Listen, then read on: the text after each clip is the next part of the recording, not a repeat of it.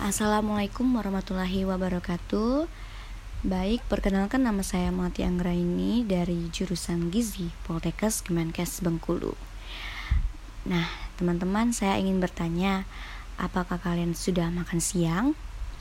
Jangan lupa makan siang ya teman-teman Dan yang untuk beraktivitas di luar rumah, teman-teman jangan lupa menggunakan masker, menjaga jarak, dan mencuci tangan.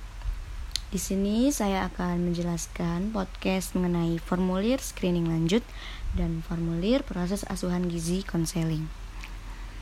Nah, formulir screening lanjut. Di sini teman-teman udah tahu belum apa itu formulir screening lanjut? Jika belum, saya akan menjelaskan isi dari formulir screening lanjut. Di sini berisikan diagnosis medisnya yang terdiri dari berat badan, tinggi lutut, tinggi badan, IMT, dan lila. Lalu parameter. Pertama, skor IMT. IMT lebih dari 20, skornya 20. Jika IMT 18,5 sampai 20, skornya 1. IMT kurang dari 18,5, maka skornya 2. Yang kedua, skor kehilangan BB yang tidak direncanakan 3-6 bulan terakhir.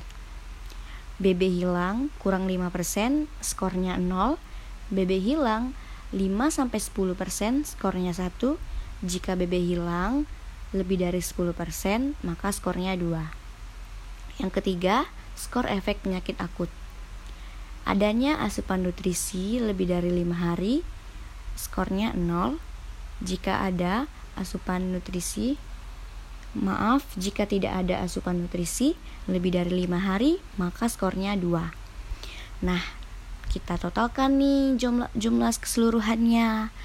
Jika hasilnya 0, maka berisiko rendah. Jika hasilnya 1, risikonya menengah.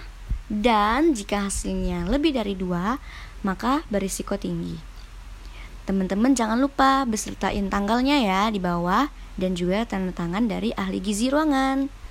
Di sini ada yang kurang dimengerti, teman-teman. Saya harap sudah mengerti semua ya. Lanjut yang kedua yaitu formulir proses asuhan gizi konseling. Nah, saya akan bertanya lagi nih teman-teman. Ada yang tahu nggak isi dari formulirnya apa? Hmm, masa nggak tahu sih? Ya udah deh, saya jelasin ya. Yang pertama itu ada tanggal, bulan dan tahunnya.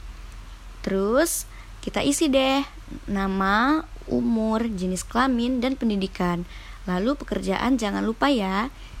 Kalau belum ada pekerjaan, ya nggak usah ditulis. Lalu yang A-nya ada antropometri.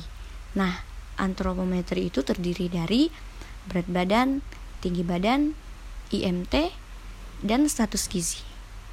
Lalu yang B, biokimia.